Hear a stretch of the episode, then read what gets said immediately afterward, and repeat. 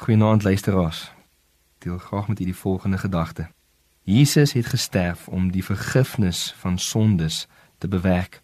Efesiërs 1:7 sê: In hom, in Jesus, het ons die verlossing deur sy bloed, die vergifnis van die misdade na die rykdom van sy genade.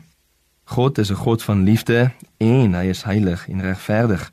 Hy kan sonde nie ongestraf laat bly nie.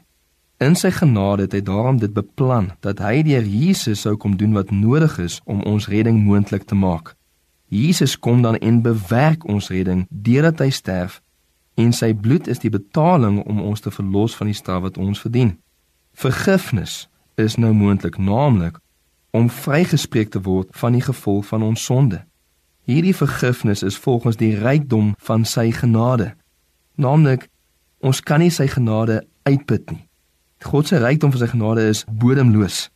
Die asemrowende waarheid is dat vir die wat in Christus is, is hulle ten volle vergewe. Hulle staan vergewe van al hulle sondes. Hulle sondes van die verlede, hede en toekoms. Toe is in die kruisgang het gesê dit is volbring. In Johannes 19 vers 30 beteken dit dit is paid in full. Hy het in volle betaal vir ons sondes.